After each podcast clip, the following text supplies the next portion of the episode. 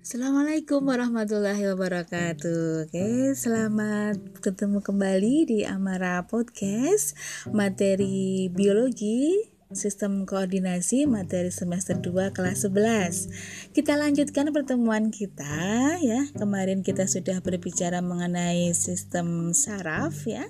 Kita akan melanjutkan ke sistem indera ya. Sistem indera. Oke, tubuh kita mempunyai berbagai organ indera ya, ada panca indera. Masing-masing organ indera dikhususkan untuk mendeteksi adanya rangsang tertentu.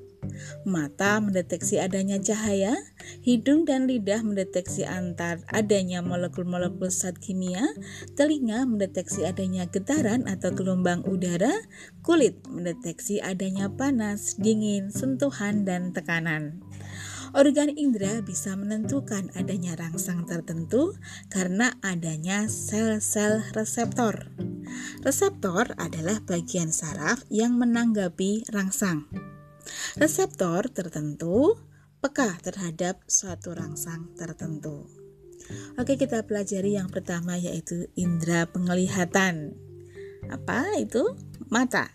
Ya, mata merupakan indera penglihatan yang dibentuk untuk menerima rangsangan yang berupa berkas-berkas cahaya yang ditangkap oleh retina. Kemudian, rangsangan ini dialihkan ke pusat penglihatan melalui serabut-serabut nervus opticus untuk ditafsirkan. Oke, untuk gambar mata kalian bisa mencari di buku sumber ya, banyak sekali gambar mata.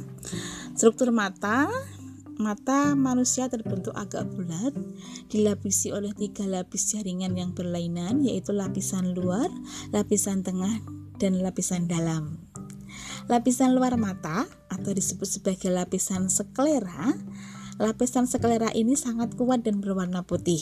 Lapisan ini terdapat kornea yang bening ya yang menerima cahaya masuk ke dalam bagian mata dan membelokkan berkas cahaya sedemikian rupa sehingga dapat difokuskan.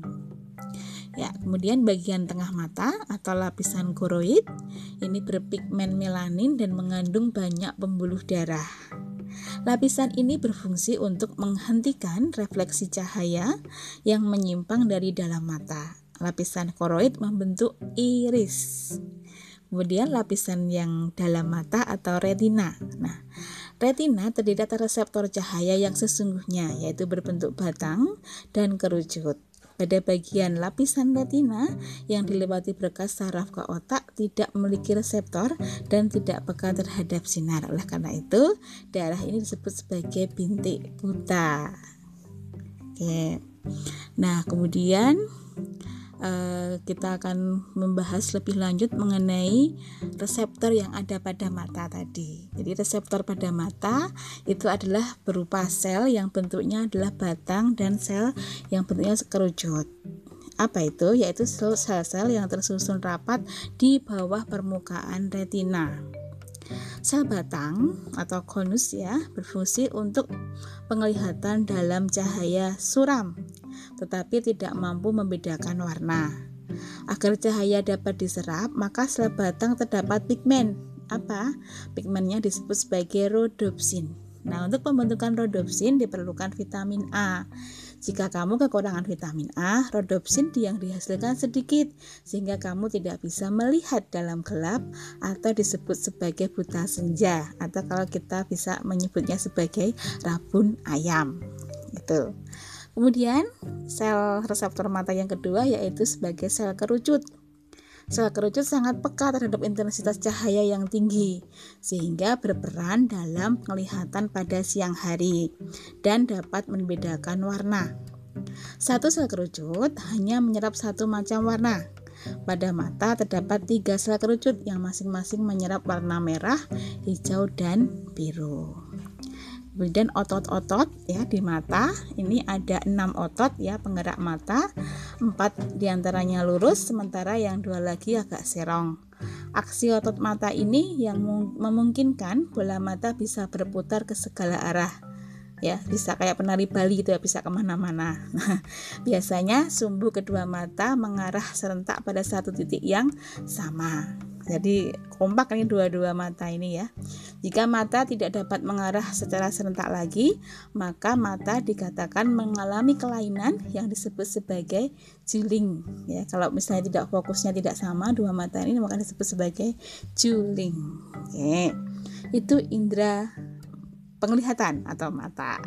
Selanjutnya kita melanjutkan ke indera yang kedua yaitu indera pendengaran atau telinga. Ya, pegang telinganya masing-masing ya. Telinga merupakan organ pendengaran. Telinga terdiri atas tiga bagian yaitu telinga luar, telinga tengah, dan telinga rongga dalam. Telinga luar itu adalah daun telinga yang merupakan tulang rawan elastis. Daun telinga berfungsi untuk menerima dan mengumpulkan suara yang masuk. Terdapat rambut-rambut halus yang berfungsi untuk menghalangi benda asing yang masuk. Selain itu, terdapat kelenjar lilin yang menjaga agar permukaan saluran luar dan gendang telinga tidak kering. Itu ya yang warnanya coklat itu. Ya. Oke, bagian telinga tengah. Nah, telinga tengah itu disebut juga sebagai rongga timfani, merupakan bilik kecil yang mengandung udara. Nah, rongga ini terletak di sebelah dalam membran timfani atau gendang telinga. Di sebelah depan telinga tengah terdapat saluran eustachius yang menghubungkan rongga dengan rongga ini dengan faring Saluran ini berfungsi untuk menjaga keseimbangan tekanan udara antara udara luar dan udara di dalam telinga tengah. Ya. Kemudian telinga bagian dalam. Nah, telinga bagian dalam ini terdiri atas berbagai rongga yang menyerupai saluran-saluran dalam tulang temporalis. Rongga-rongga ini disebut sebagai labirin tulang dan dilapisi membran membentuk labirin membranosa. Labirin tulang terdiri atas tiga bagian atau vestibula, saluran setengah lingkaran yang tersambung dengan vestibula dan koklea. Koklea itu adalah sebuah tabung berbentuk spiral yang membelit dirinya seperti rumah siput. Nah, di setiap belitannya terdapat saluran membranosa yang mengandung ujung-ujung akhir saraf pendengaran. Cairan dalam labirin membranosa ini disebut sebagai endolimfa dan di luar labirin membranosa disebut sebagai perilimfa. So, saraf pendengaran seperti apa? Nah, saraf pendengarannya atau nervus auditorus terdiri dari dua bagian. Nah, salah satunya berkaitan dengan bagian vestibular rongga telinga dalam yang berhubungan dengan keseimbangan. Nah, serabut-serabut saraf ini bergerak menuju nukleus vestibularis yang berada di titik pertemuan antara pons dan medula oblongata. Kemudian bergerak ke cerebellum atau ke otak. Nah, bagian kokleur koklea eh, atau kokleris pada nervus auditorius ini adalah saraf pendengar yang sebenarnya. Cedera pada saraf koklearis akan mengakibatkan ketulian saraf. Sedangkan cedera pada saraf vestibularis akan menimbulkan vertigo muter-muter kepalanya ya. Jadi di uh, ini bagian yang riskan ya di bagian uh, saraf koklearis ini.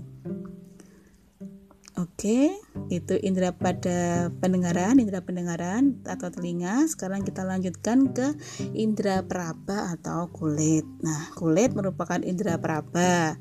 Kulit itu fungsinya untuk melindungi, menutupi permukaan tubuh dan bersambung dengan selaput lendir yang melapisi rongga-rongga dan lubang-lubang masuk. Kulit mempunyai banyak fungsi, di antara sebagian tidak peraba, membantu mengatur suhu, mengendalikan hilangnya air dari tubuh, mempunyai sedikit kemampuan ekskretori, sekretori, dan absorpsi. Nah, kulit dibagi menjadi dua, yaitu epidermis dan dermis. Epidermis atau disebut sebagai cuticula atau dermis itu corium, ya nama latinnya. Epidermis selnya terdiri atas sel epitel berlapis. Nah, terdiri atas dua lapisan, yaitu lapisan tanduk dan zona germinalis. Nah, lapisan tanduk ini uh, terletak paling luar, tersusun atas tiga lapisan sel, yaitu adalah stratum corneum, stratum lucidum, dan stratum granulosum. Saat germin, eh, zona germinalis terletak di bawah lapisan tanduk, terdiri atas sel berduri dan sel basal. Oke, kemudian bagian dermis, tadi kan epidermis, kelainan dermis ini tersusun atas jaringan fibrus atau jaringan ikat yang elastis. Pada permukaan dermis terdapat papila-papila kecil yang berisi pembuluh darah kapiler. Ujung akhir saraf sensoris terletak di dalam dermis ini. Nah, kelenjar keringat yang berbentuk tabung berbelit-belit juga terletak di sebelah dalamnya lagi dari dermis. Salurannya melalui dermis dan epidermis, kemudian bermuara ke pori-pori kulit. Nah, pada kulit terdapat beberapa jenis reseptor yaitu untuk perasa nyeri, perasa panas, perasa dingin, rasa sentuhan, dan tekanan. Kulit dan jaringan di bawahnya bekerja sebagai tempat penyimpanan air dan juga jaringan adiposa atau jaringan tempat penyimpanan lemak. Hal ini sangat diperlukan agar panas tubuh tidak cepat keluar dan tubuh e, bisa lebih hangat. Gitu. Tuh kulit. Sekarang indera perasa yaitu pengkecap apa? Lidah ya. E, selain membantu proses pencernaan, lidah juga dapat merasakan rasa makanan. Permukaan lidah kasar karena terdapat tonjolan yang disebut sebagai papila. Papila ini berfungsi untuk mengecap. Ada empat rasa kecapan: manis, pahit, asam, asin. Umumnya, makanan memiliki ciri harum dan ciri rasa. Ciri harum merangsang ujung saraf penciuman, bukan pencecapan agar dapat dirasakan semua makanan harus menjadi cairan dan harus bersentuhan dengan ujung saraf yang mampu menerima rangsangan yang berbeda. Rangsangan asam manis, ya, rangsangan yang manis dan asin itu di ujung lidah, pahit itu di pangkal lidah, untuk rasa asam berada di sisi lidah bagian dalam. Ya. Terakhir panca indera, indera penciuman. Nah, ada apa itu? Hidung. Sel-sel sensori penerima rangsang yang berupa bau terdapat di lapisan epitel dalam rongga hidung yang dilindungi oleh mukus atau lendir. Di akhir setiap sel sensori terdapat silia atau rambut pembau. Rasa penciuman dirangsang oleh gas yang terhirup. Rasa penciuman ini sangat peka, tetapi kepekaan ini mudah hilang apabila dihadapkan pada suatu bahu yang sama pada waktu yang lama. Jadi kalau sudah terbiasa baunya begitu, nanti akan kepekaannya akan berkurang. Rasa penciuman akan melemah bila kamu sedang flu. Nah, kalau flu pasti akan terganggu.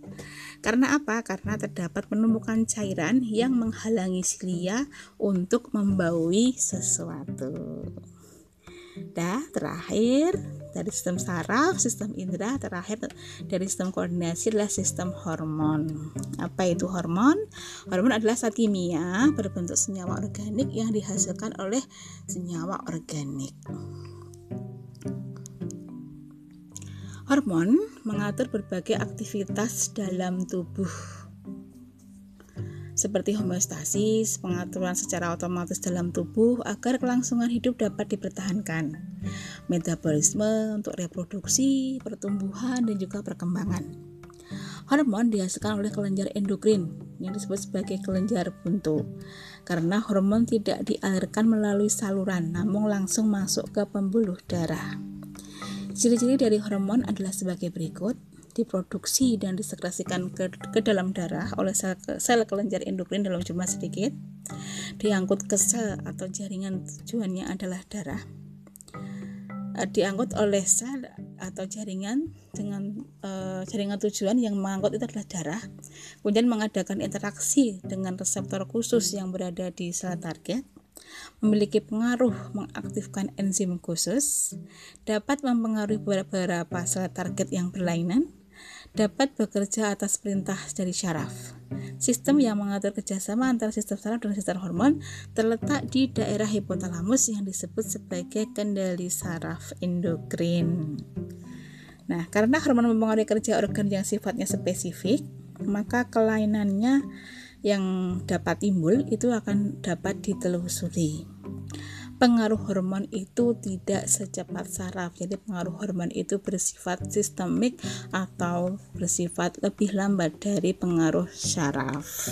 Oke, kesimpulan dari pertemuan kita tentang sistem koordinasi bahwa tubuh kita, tubuh manusia dilengkapi oleh tiga perangkat pengatur keseimbangan tubuh ya, yang terdiri atas sistem saraf, sistem endokrin atau hormon, dan juga penginderaan. Sistem saraf bekerja dengan cepat untuk menanggapi adanya perubahan lingkungan yang merangsangnya. Pengaturan sistem dilakukan oleh benang-benang saraf. Sistem hormon mengatur pertumbuhan, keseimbangan internal, reproduksi, tingkah laku. Hormon bekerja jauh lebih lambat, tetapi teratur dan berurutan dalam jangka waktu yang lama. Pengangkutan hormon dilakukan melalui pembuluh darah. Alat indera itu sebagai reseptor rangsang dari luar. Baik, sudah selesai materi kita untuk hari ini tentang sistem koordinasi. Mudah-mudahan membantu kalian dalam belajar. Tetap uh, jaga kesehatan, tetap protokol kesehatan anak-anakku. Semoga kita semuanya sehat dalam lindungan Allah Subhanahu wa taala. Salam sehat, salam biologi, Sabah Jaya. Assalamualaikum warahmatullahi wabarakatuh.